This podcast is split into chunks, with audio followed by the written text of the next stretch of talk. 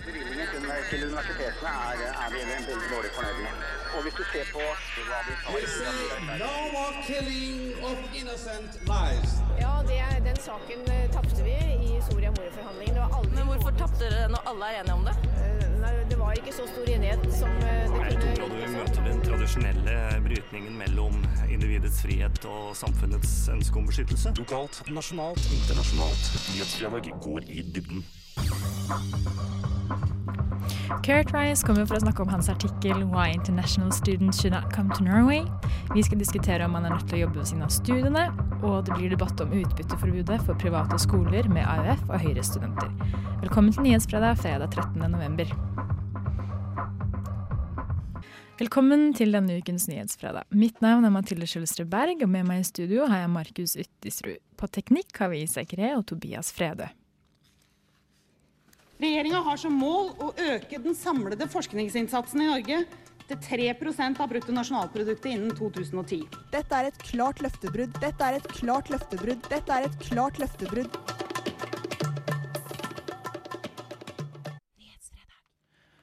Forrige uke kunne Dagens Næringsliv avsløre at Peder og Nikolai Løvenskiold hadde tatt ut over 100 millioner kroner fra sine statsstøttede skoler, til tross for et utbytteforbud som skal hindre investorer fra å gjøre nettopp dette.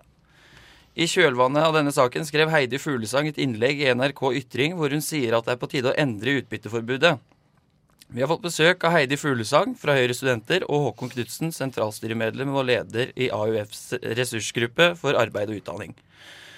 Og Heidi, hvorfor mener du at utbytteforbudet bør endres? Eh, Nei, sånn som det er i dag, så er private utdanningstilbydere et godt supplement til det offentlige tilbudet. Men fordi de nektes å ta utbytte, så ser vi at mange private aktører velger å investere kapitalen sin i andre ting, hvor de kun, altså da kan ta eh, utbytte. Eh, Så Derfor så mener vi at ved å tillate å ta utbytte, så vil flere investere eh, sin sparekapital inn i høyere utdanning. Og man ser også at altså eh, villigheten til å investere ytterligere i høyere utdanning blir større når man kan få avkastning på de investeringene. Ja. Håkon, i deres program står det at dere vil hindre, vil hindre at skoleeiere skal kunne ta utbytte og ha en enda strengere kontroll med hvordan skoleeiere bruker datterselskapet for å omgå regelverket. Hvorfor skal ikke skoleeiere ha mulighet til å få utbytte? Altså, I AUF så mener vi det er en grunnleggende forskjell på vanlig kapital og offentliges midler. Altså, jeg mener at Fellesskapets penger det er helt andre regler for hva de skal gå til og, uh, i forhold til privat næringsliv og annen privat kapital. Eh, For det er jo faktisk sånn at Vi ønsker at alle pengene skal gå nettopp til eleven. Og Når Westerdal skole da tar ut eller Løvenskiold-gutta tar ut 105 millioner kroner i, eh, i utbytte, penger som kunne gått til elevene. Elevene som har sagt nå i, de siste, eller i løpet av de siste mange år har fortalt meg at de siste ti år har de klaga over for liten plass, for store klasser, misfornøyd det ene og det andre. Og mens dette her har pågått, så har da disse gutta eh, spart opp en egenkapital hvert eneste år istedenfor å bruke disse pengene på elevene. Og når de i tillegg har som intensjon å ta utbytte av dette her og tjene eh, penger på altså våre skattepenger, så mener jeg det er en grunnleggende gal måte. Jeg mener at alle penger i det norske utdanningssystemet skal gå til elevene og gå til å forbedre kvaliteten, og ikke til rike eiere som tar et utbytte. Eh, Heidi, du skriver i innlegget ditt at du tror at samfunnet går glipp av gode sko skoleeiere i utdanningssektoren om ikke utbyttepolitikken endres. Men gjør ikke det her at useriøse aktører som kun er ute etter profitt, også kan komme til?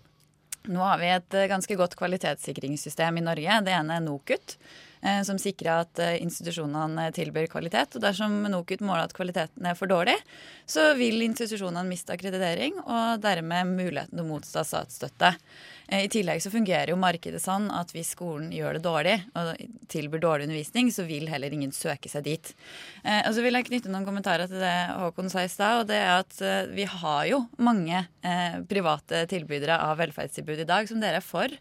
Eh, Det ene er f.eks. barnehage. Eh, Og det var en viktig eh, forutsetning for å oppnå full barnehagedekning, at private kunne tilby barnehage. Det andre er sykehjem. Jeg mener jo det er lettere for studenter å vurdere om eh, tilbudet er av god nok kvalitet enn eldre på sykehjem. Men det er AUF også for. I tillegg så har vi jo aviser, kultur, idrett og matvarebransjen som indirekte da blir statlig støtta, men også kan ta ut utbytte. Så hvorfor man skal forskjellsbehandle utdanningssektoren i så stor grad, det har jeg ingen forståelse for. Altså, eh, Forskjellsbehandling i utdanningssektoren, AUF, er jo også mot utbytte på barnehager, private barnehager, mot utbytte eh, i eldreomsorgen. Og så er det sånn at, ja, helt riktig, altså vi var for private barnehager til en viss grad i 2009. For da lovte hadde, hva, sto det flere tusen familier uten barnehageplass, og der var det et behov som ikke ble møtt. Og da, så da, Derfor så åpna vi for alle mulige aktører som kunne komme inn eh, og tilby, eh, sånn at vi faktisk fikk full barnehagedekning, som var et av løftene til Arbeiderpartiet i 2009. Det har vi nå nådd. Men vi ser jo nå at innenfor barnehagesektoren, det er kanskje den styggeste sektoren i forhold til store konserner som tar ut utbytte av våre skattepenger og tjener seg rike på å drive barnehage i Norge. Og Det mener jeg er grunnleggende galt. Altså Barnehager i Norge, private barnehager, får 100 støtte. Uh, og, og, og De blir ekstremt overfinansiert, og det ser vi jo. De tjener seg grovt rike på våre skattepenger. og Det mener jeg er grunnleggende galt. Jeg mener at de pengene skal gå til barna. Jeg mener at de store pengene skal også gå til våre eldre. Og I utdanningssektoren også, så mener jeg at alle pengene skal gå til eleven. Og så snakker Heidi om kvalitet innenfor skolen. altså det er jo ganske få ting man kan måle på kvalitet i skolen sånn utenfra. Så Man kan se på karakterer og trivsel, selvfølgelig. Og da har vi også en rekke eksempler blant videregående skoler. Akademiet, f.eks. Akademi i Drammen ser at de som har størst avvik mellom eksamenskarakter og standpunktkarakter. For der har de sånn karaktergaranti. Så da får elevene ofte bedre standpunktkarakterer enn resten av de, de offentlige skolene i Drammen, f.eks. Men så ser du når du kommer på eksamen og får en ekstern, ekstern, sensor fra en offentlig skole, så ser man oi, dette var ikke en femmerelev i norsk, det var en treerelev. Men denne skolen er helt avhengig av å gi bedre karakterer til sine elever. Og så skryter man etterpå at ja, men se, det private er så mye bedre enn det offentlige. Nei, det er karakterinflasjon som foregår konsekvent i mange store skolekonserner. Eh, og jeg må jo si at eh, men jeg må jo også si litt skryt til Heidi Fuglesang, da, for jeg mener at det er ganske konsekvent retorikk fra din side. Og ganske konsekvent politikk å si at vet du hva, vi er for private eh, skoler, private barnehager, og det er helt greit om de tar et utbytte. Det er jo helt legitimt å mene det.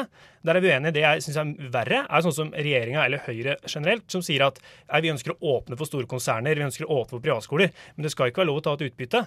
Det er vi imot. Da er det mye mer rettferdig å faktisk være ærlig, sånn som Heidi er, og sier at det er helt greit. For vi ser jo at ingen som kommer til Norge for å drive barnehage fordi de er så snille. Det kommer ikke multinasjonale selskaper til Norge for å drive skole fordi de syns så synd på norsk utdanning. Vi ser hatt store, fire store konserner. Vi har hatt Jon Bauer, eh, vi har hatt eh, Noroff, vi har hatt Sonans Akademiet. Tre av disse fire konsernene alle blir tatt for enten mindre eller større brudd på norsk privatskolelov. For at Man kommer jo til Norge for å tjene penger, og det er helt greit. Men det er vi imot i AUF. Med at pengene skal gå til eleven, og ikke til rike skoleeiere som tjener seg rike på norske elever.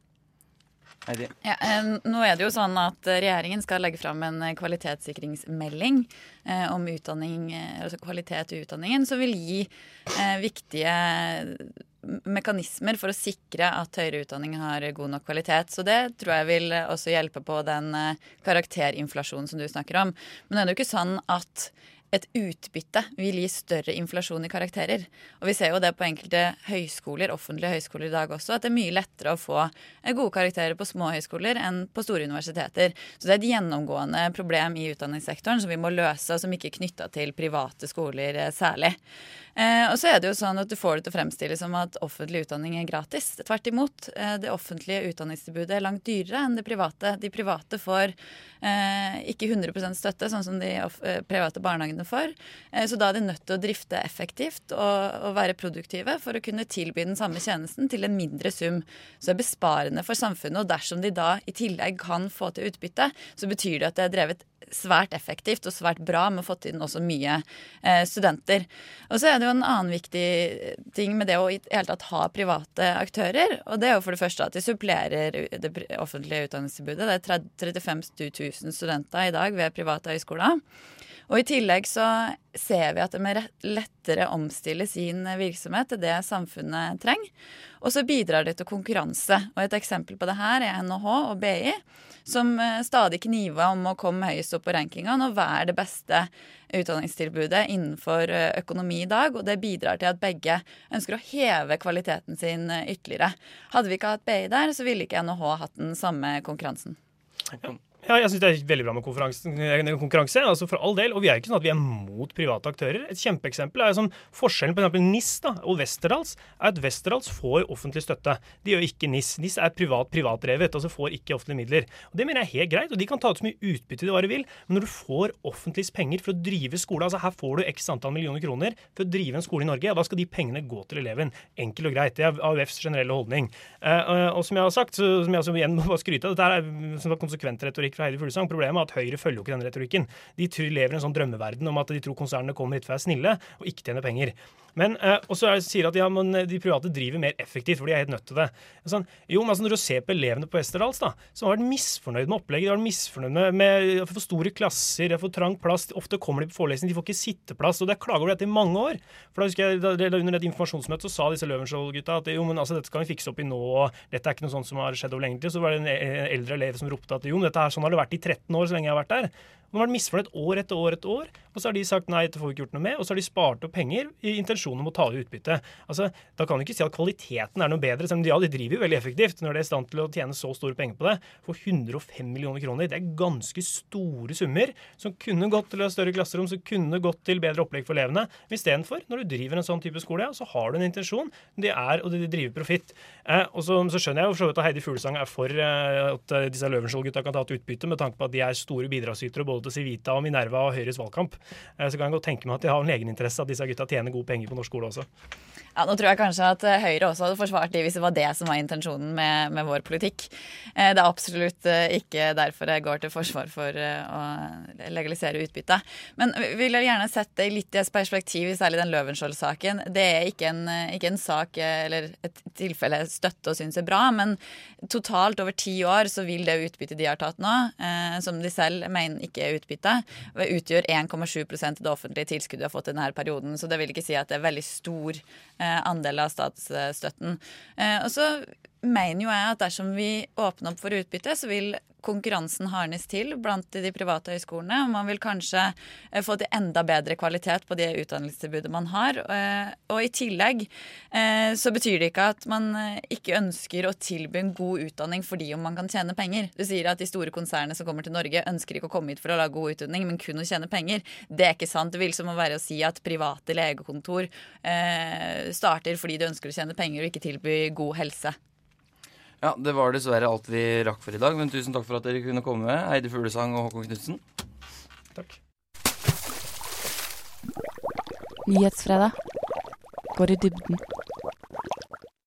Studenter har flere ganger klaget over liten støtte fra staten, samtidig som mat og husleie har blitt dyrere. Flere studenter hevder at dette går utover deres studier og også livskvaliteten. I slutten av oktober så kom dagens gjest med en motkommentar til studentene som mener at de får for lite penger. Og med oss i studio har vi Gaute Kandal Hoel, velkommen. Takk skal du ha. Eh, kan du si litt om hva du tenker om studentenes nåværende økonomiske situasjon? Ja, altså, det, først må jeg bare si at det innlegget jeg skrev, var jo egentlig et svar til eh, en jente som skrev et ganske usammenhengende innlegg om hvor fælt hun hadde det økonomisk. Eh, jeg tror det at studenter har en trang økonomisk situasjon, det er ikke noe tvil om det. Men poenget mitt med det innlegget var egentlig mest det der at det er allikevel muligheter for f.eks. å jobbe for å spe på eh, studentøkonomien. Så det å drive med sånn enorm syting, som jeg føler at det er ganske mange som gjør, det syns jeg er kontraproduktivt. Så, men så tenker du at, de, at vi ikke egentlig har det så ille? Altså, Nei, vi har ikke det. Altså, jeg var nå, kom nettopp hjem fra utveksling i Sør-Afrika, eh, hvor eh, jeg bodde sammen med masse amerikanske studenter, f.eks. De har nå, nå, og dette er før de er ferdig med bachelorgraden, eh, 100 000 dollar i studielån. Eh, og det er kun for skolepengene. Det er ikke engang for mat og skolebøker og den slags type ting. Det er bare de pengene som det koster å gå på offentlige universiteter der. Og da tenker jeg at da må man ha litt perspektiv på det. Du får et, altså Som student i Norge så får man et veldig gunstig studielån. Uh, man får gode rammer. Uh, mye av dette studielånet gjøres om til stipend. Uh, og da mener jeg det at å klage over at hvor fælt man har det som norsk student, det blir litt håpløst. Så, så sett i sammenheng med f.eks. Sør-Afrika, så Ja, eller amerikanske og- studenter. Ja, amerikanske ja. studenter. Eller generelt utenlandske studenter. Ja, ok. Men tror, tror du du ville tenkt det samme hvis du ikke hadde vært på utveksling? Tror du du fortsatt du ville tenkt at ja, vi har det egentlig sævla bra? Ja, jeg tror egentlig det. Fordi at eh, vi får en ganske grei studiestøtte i måneden. Så er det selvfølgelig sånn at du kan jo ikke leve fett på den eh, når du bor i Oslo og, og skal måte være, eh, være fulltidsstudent samtidig. Men uh, det er uh, fullt mulig å gjøre det. Uh, du lever ikke fett, men det går an. Og så mener jeg det at hvis du da mener at du skal ha mer, eh, du vil ha mer penger å rutte med, så får du skaffe deg en jobb ved siden av studiene. Og det er, har de fleste tid til. Ja, for, for dine tips til studenter der som har dårlig råd, det er da egentlig få en jobb? Skaff deg en jobb? Ja, nå var jo dere satt litt på spissen, men det er, altså det er et av tipsene. Og så- er det sånn, Jeg har jo også forståelse for det at eh, sånn som nå er det jo eksamenstid. Jeg har jo ikke tid til å jobbe så veldig mye i eksamenstiden, men da handler det om å planlegge litt, jobbe litt mer i de periodene hvor man ikke har eh, for mye arbeid, slik at man har en lite buffer da, for de periodene man ikke kan jobbe så mye. Uh, det tror jeg er ganske lurt, og det tror jeg er, det handler på en måte om å vokse opp også. da, At man uh, lærer seg å håndtere økonomi, lærer seg å leve på et ganske lite budsjett. For veldig ofte så, så er det jo sånn at eh, hvis du skal skaffe deg en jobb, så er det faste vakter du blir satt opp på. Eh, tror du ikke at det kan eh, være et hinder for studiene også utenom eksamenstid? Altså, Nå tror jeg det at hvis man er student og skaffer seg en jobb, så har de fleste arbeidsgivere en forståelse for det. og Nå skal ikke jeg gå inn på eh, hva forskjellige arbeidsgivere kommer til å kreve av deg som student, for det varierer fra arbeidsgiver til arbeidsgiver. Men jeg, altså sånn, jeg kjenner altså, Selv studerer jeg statsvitenskap, jeg har en jobb ved siden av studiene, og det går helt fint. Jeg kjenner elever som eh, går på medisinstudiene, som er et veldig krevende studium, som også har en jobb ved siden av studiene, og sier at det går helt fint. Så det er fullt mulig, men det handler om at man må på en måte være litt på utkikk, og så må man eh, være litt frempå, tror jeg. Får jeg spørre hvor ofte du jobber? Eh, ja, jeg jobb, det varierer. Fordi at altså, sånn som nå, så er det eksamenstid. Nå kommer ikke jeg til å jobbe før om kanskje tre uker når eksamen er ferdig. Men uh, som si, vanlig studietid så er det én til to ganger i uken. Men Hva med eh, boligmarkedet? boligmarkedet? Mm. Hvordan skal man få spart opp da til en bolig når man knapt har råd til å leve, hvis man skal si det på den måten? Nei, altså når det kommer til boligmarkedet, det er jo på en måte en annen diskusjon igjen, føler jeg, da. Men uh, det handler jo også om å Altså, man kan jobbe om sommeren, spare opp penger der. Uh, du kan spare penger de første årene som du er ute i arbeid. Altså, dette tror jeg går, er veldig individuelt hva man, hva man bør gjøre, da. Det er ikke, jeg føler ikke at det har så veldig stor relevans nødvendigvis for den diskusjonen her. Um, og igjen så vil jeg påpeke at altså, Nå var jo det innlegget mitt satt litt på spissen også, uh, men poenget var det at det var Jeg svarte på et innlegg som var eh, veldig sytete. Det var uten uh, en forståelse for at studiestøtten faktisk har økt de siste årene, og at man har startet byggingen av mange flere studentboliger. Uh, og så, handlet eller så var på en måte argumentasjonen gjennom hele innlegget at vi har dårlig råd, og vi får enda dårligere råd nå som de aller rikeste får skattelette. Og det er jo helt feil. Men, men sånn klasseskille og sånn, eh, er- når vi er litt inn på det. Eh, de studentene som får mye hjelp hjemmefra og sånn, for det er, jo, er det jo en del som får. Vil du si at det, at det kan være med på å skape klasseskille? klasseskille. Jeg syns kanskje det blir litt, eh, litt merkelig måte å si det på. Um, selvfølgelig, det er jo altså For å si det sånn, da noen har bedre råd enn andre, og sånn er det jo også når man studerer. Og hvis du da har uh, Altså, du har jo noen studenter som får betalt leien sin av foreldrene, som får eh, lommepenger og som ikke trenger å ta opp, ta opp studielån. Selvfølgelig har de et mye bedre utgangspunkt når de skal begynne i arbeidslivet enn det eh, si, de fleste andre studenter har. Men jeg føler ikke at det nødvendigvis er altså det handler jo litt også om det at alle studenter kan jo ikke leve sånn. Det er jo um, vi, er, altså, vi er en ganske gjennomsubsidiert gruppe fra starten av. Uh, og jeg, vi har det egentlig ganske bra som studenter eh, sammenlignet med studenter fra andre steder i verden, men også i Norge. Uh, og jeg tror på en måte det at det klasseskillet, ja, det kan være der, men jeg tror ikke det er på en måte en, et stort problem da, for, blant studenter i dag.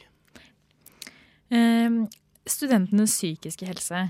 uh, tror du For hvis jeg har forstått deg riktig, så mener du egentlig at, at alle, alle, alle, nesten alle da, studenter eh, vil ha kapasitet til å kunne studere det som kreves, eh, og også jobbe ved siden av.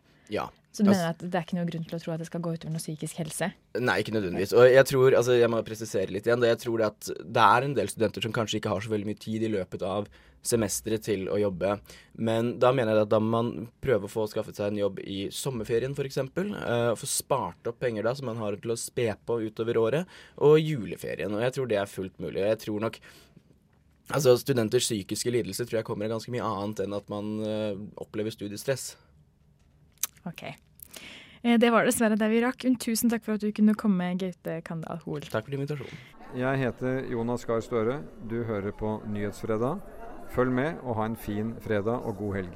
Rektor ved Høgskolen i Oslo og Akershus, Kurt Rice, skrev en kommentar som vel ble publisert på nyhetsstedet og bloggen Huffington Post. Why International Students Should Not Come to Norway het artikkelen som har duket for både debatt og misforståelser. Med oss i studio i dag så har vi Kurt Rice. Velkommen til deg. Takk skal du ha. Eh, I et avsnitt i artikkelen så skriver du om det du kaller for lokale og globale grunner for at Norge burde tiltrekke seg utenlandske studenter. Eh, kan du fortelle litt mer om hva du mener med det? Eh, jo, det kan jeg gjerne gjøre. Jeg mener at vi må ha et mye større satsing både på å sende studenter ut og til å tiltrekke oss flere internasjonale studenter. Og når vi tiltrekker oss flere internasjonale studenter, så, så gjør vi noe som påvirker utdannings- og undervisningsmiljøene på en veldig positiv måte. Men på en måte som vi ikke bestandig ser. Vi legger opp til eh, at flere kulturer møtes på klasserommet. Vi legger opp til at vi får inn studenter som er vant med å gjøre ting på en annen måte. Og vi legger opp til at vi kan eh, få integrert oss med de som kommer til oss. Så vi kan egentlig si at teksten hovedsakelig handler om, om ditt ønske om at Norge burde bli bedre på integrering, eh, og samtidig oppfordrer sam samarbeid på tvers av eh, nasjonene. Jeg, jeg, konstaterer at du har faktisk lest teksten, og det setter jeg veldig stor pris på. Det er klart det. det er ikke alle som har gjort, som likevel stiller spørsmål ved det. Men da er du enig i det? At det er ja? Ja. Det, ja. Så bra. Eh, du har jo ikke forsket på emnet, men du har jo egne erfaringer fra bl.a. å ha jobbet tett med, med utvekslingsstudenter.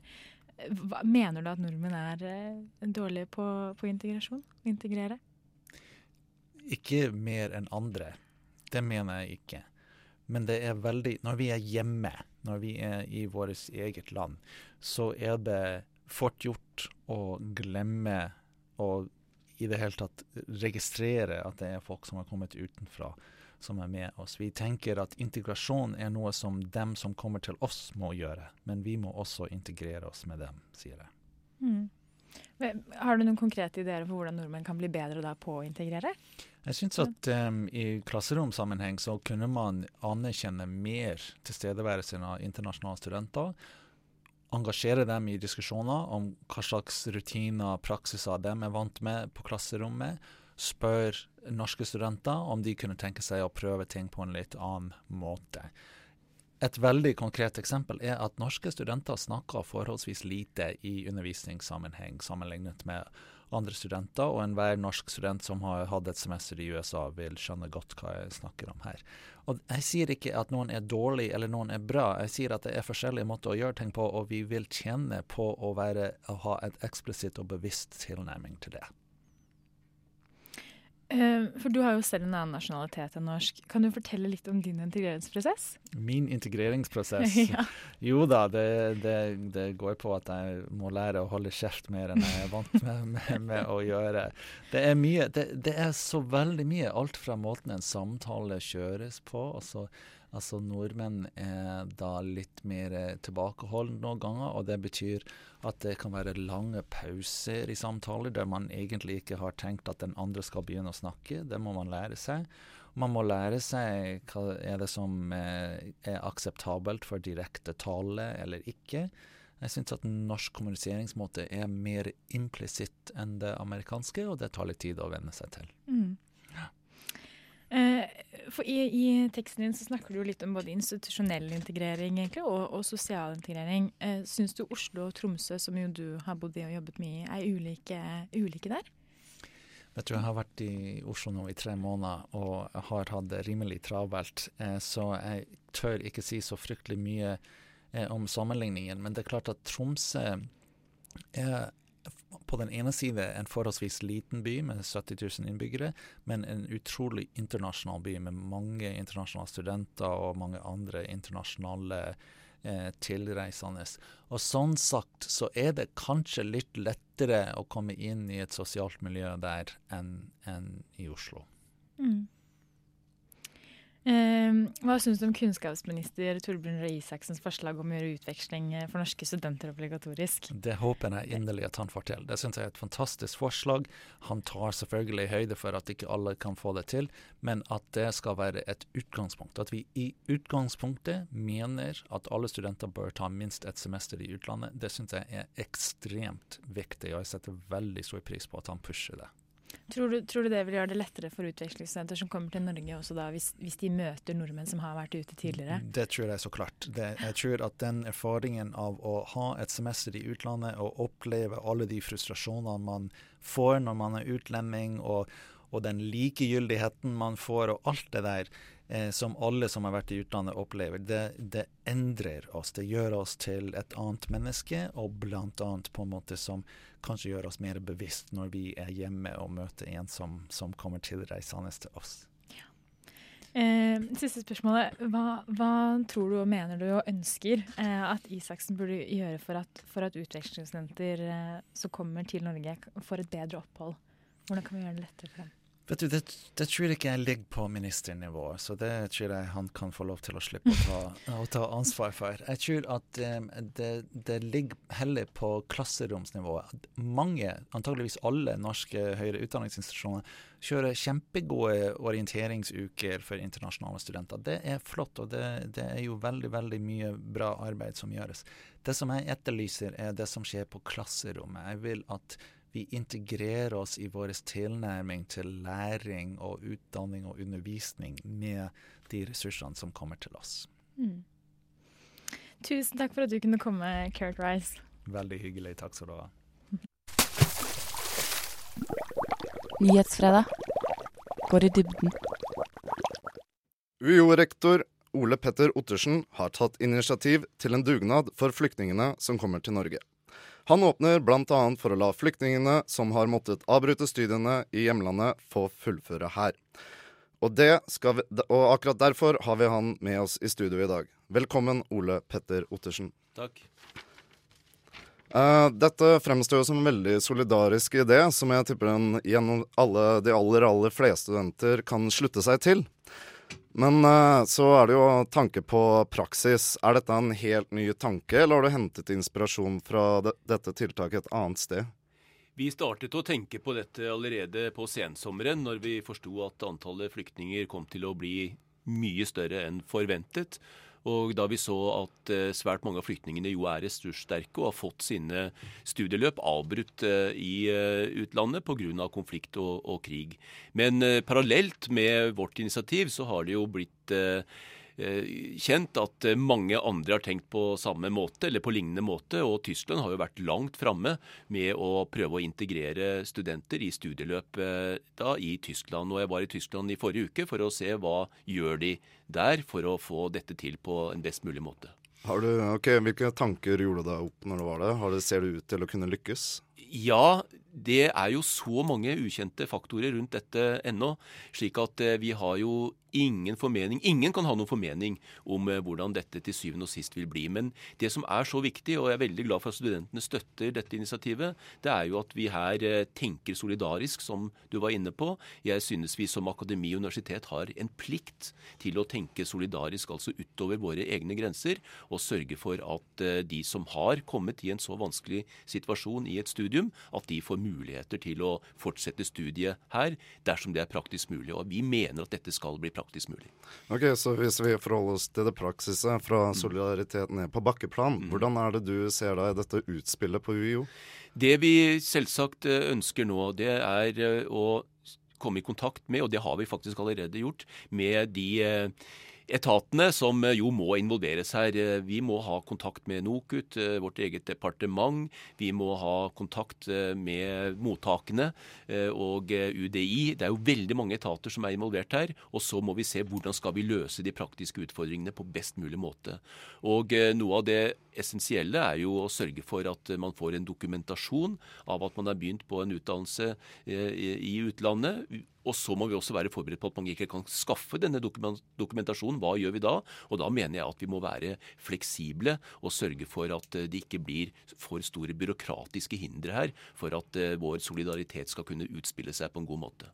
Regner dere å stå aleine på det her, eller tenker du å få med deg de andre institusjoner og skoler i Oslo? Altså, Flyktningene som kommer, de skal jo bosette seg rundt om i hele landet. Så her må alle institusjonene som ønsker å være med, de må få lov til å være med, selvsagt. Og vi har allerede et veldig godt samarbeid med Høgskolen i Oslo og Akershus rundt dette. Kurt Rice som rektor der kommer jo også til å være til stede sammen med meg på den første dagen nå, hvor vi tar imot eh, flyktningene fra flyktningmottakene for å informere dem om mulighetene her. Og eh, Jeg er også leder av Universitets- og høgskolerådet, og på neste styremøte eh, i rådet så vil dette bli en sak som da forhåpentligvis vil eh, involvere alle høyere utdanningsinstitusjoner i Norge, i hvert fall de som da ønsker å være med på dette initiativet. Ok, eh, Dette er jo også et spørsmål om økonomi. Hvordan skal dere finansiere dette?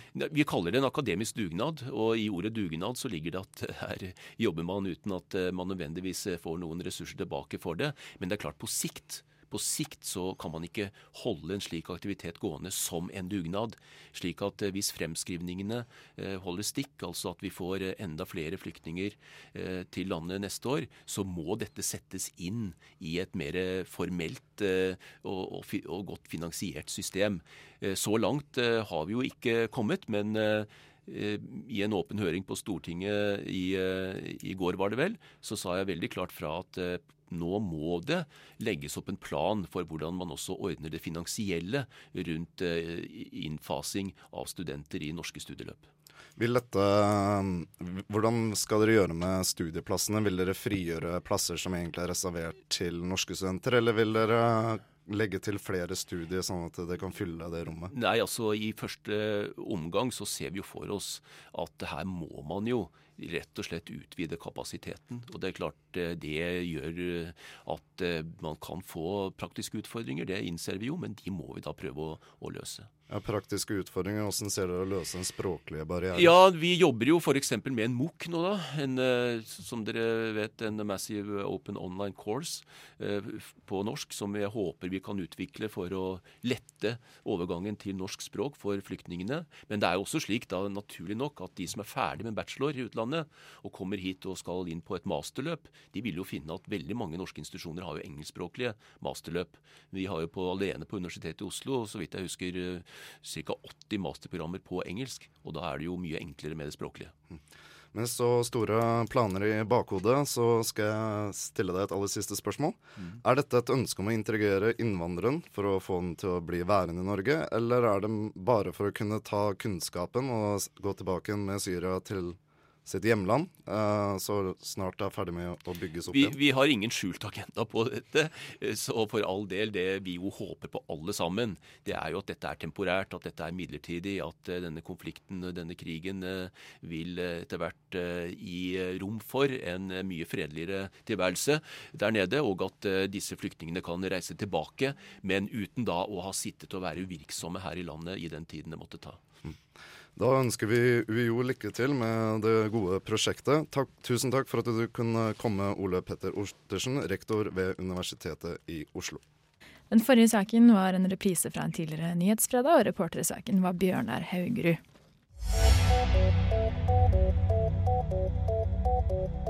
Nyhetsfredag går i dybden.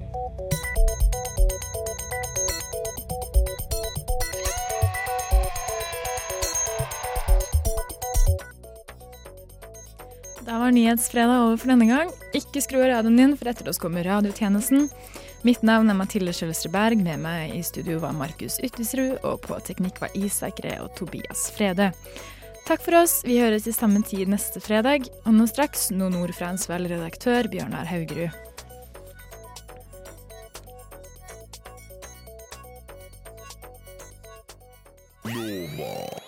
FM 99,3. Radio Nova hver dag fra 6 til 1 på morgenen og klokka 7 til 1 på kvelden, bortsett fra tirsdag og torsdag kveld. Også på søndag fra 6 til 11 og 2 til 5, men ikke på lørdager. Og hele tiden på radionova.no. Nei, vent. Dette stemmer ikke. Nå hører du Radio Nova 24 timer i døgnet, syv dager i uka. På DAB og på radionova.no.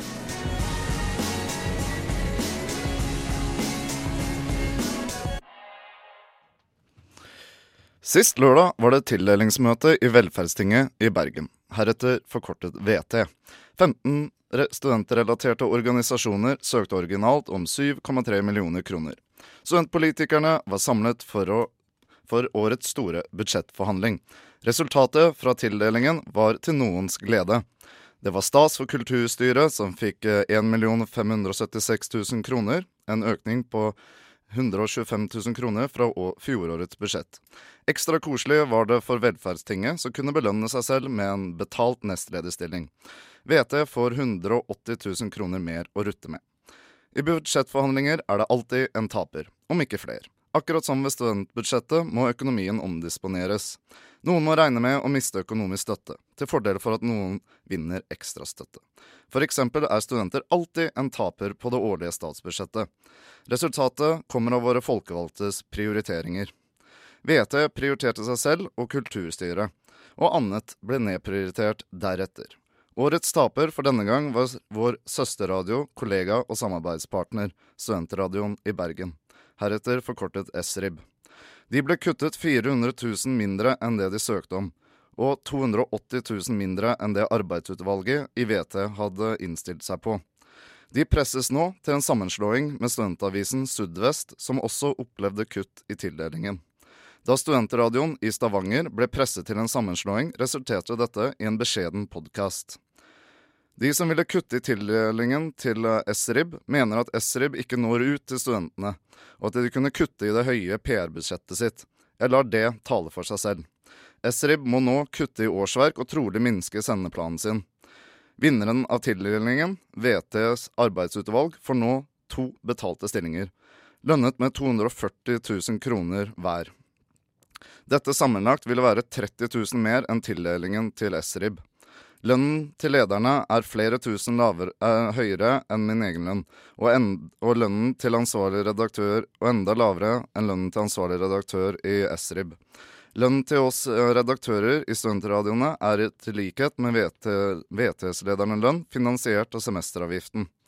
Studvest sier til VT i Berg... eh, Studvest sier, til Studvest sier leder i VT Bergen, Linnea Reitan Jensen, om tildelingen. Jeg er strålende fornøyd med det. Bismaken er selvfølgelig at studentradioene lider kraftig. Det er veldig synd. Sitat slutt. Min bismak for tildelingen mangler i hvert fall solidaritet. Det er tragisk at en studentradio nå må vike for et årsverk. Studentradioene kringkaster og forsvarer studentenes ytringsfrihet. Vi er en talentfabrikk, og det er andre hjem for mange studenter. Det er ingen tvil om at studentforeninger bidrar til en bedre studiehverdag. I dette tilfellet kunne VT-lederne kuttet i sin egen lønn for å minimere kuttet i tildelingen til SRIB. Skandinavias eldste studentavis, Under dusken, trues av manglende finansiering.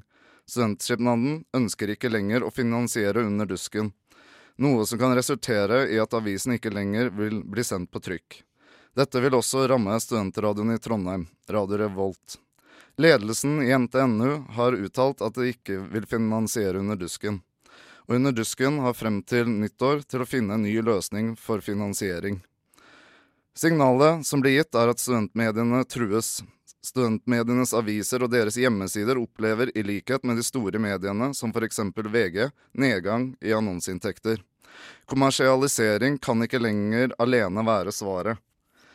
Forsvinner studentmediene, er det ingen garanti om at de andre mediene vil ta over dekningen for hva som, angår, for hva som foregår på de forskjellige studieplassene. Det er vel en æresak å si at det ikke er så mye penger å hente i studentnyheter, men det er særs viktig oppgave at noen representerer og forsvarer studentene ved å ta på seg oppdraget med å grave, undersøke og dekke det som skjer i din studiehverdag. Dens fjerde statsmakt må også være å finne på campusene. Studentmediene er i en sårbar situasjon og trenger en stabil finansiering. De trenger finansiell støtte fra andre instanser enn, orga enn fra organer som gir tildelinger ettersom vår studentpolitiske vind blåser. Nyhetsfredag går i dybden.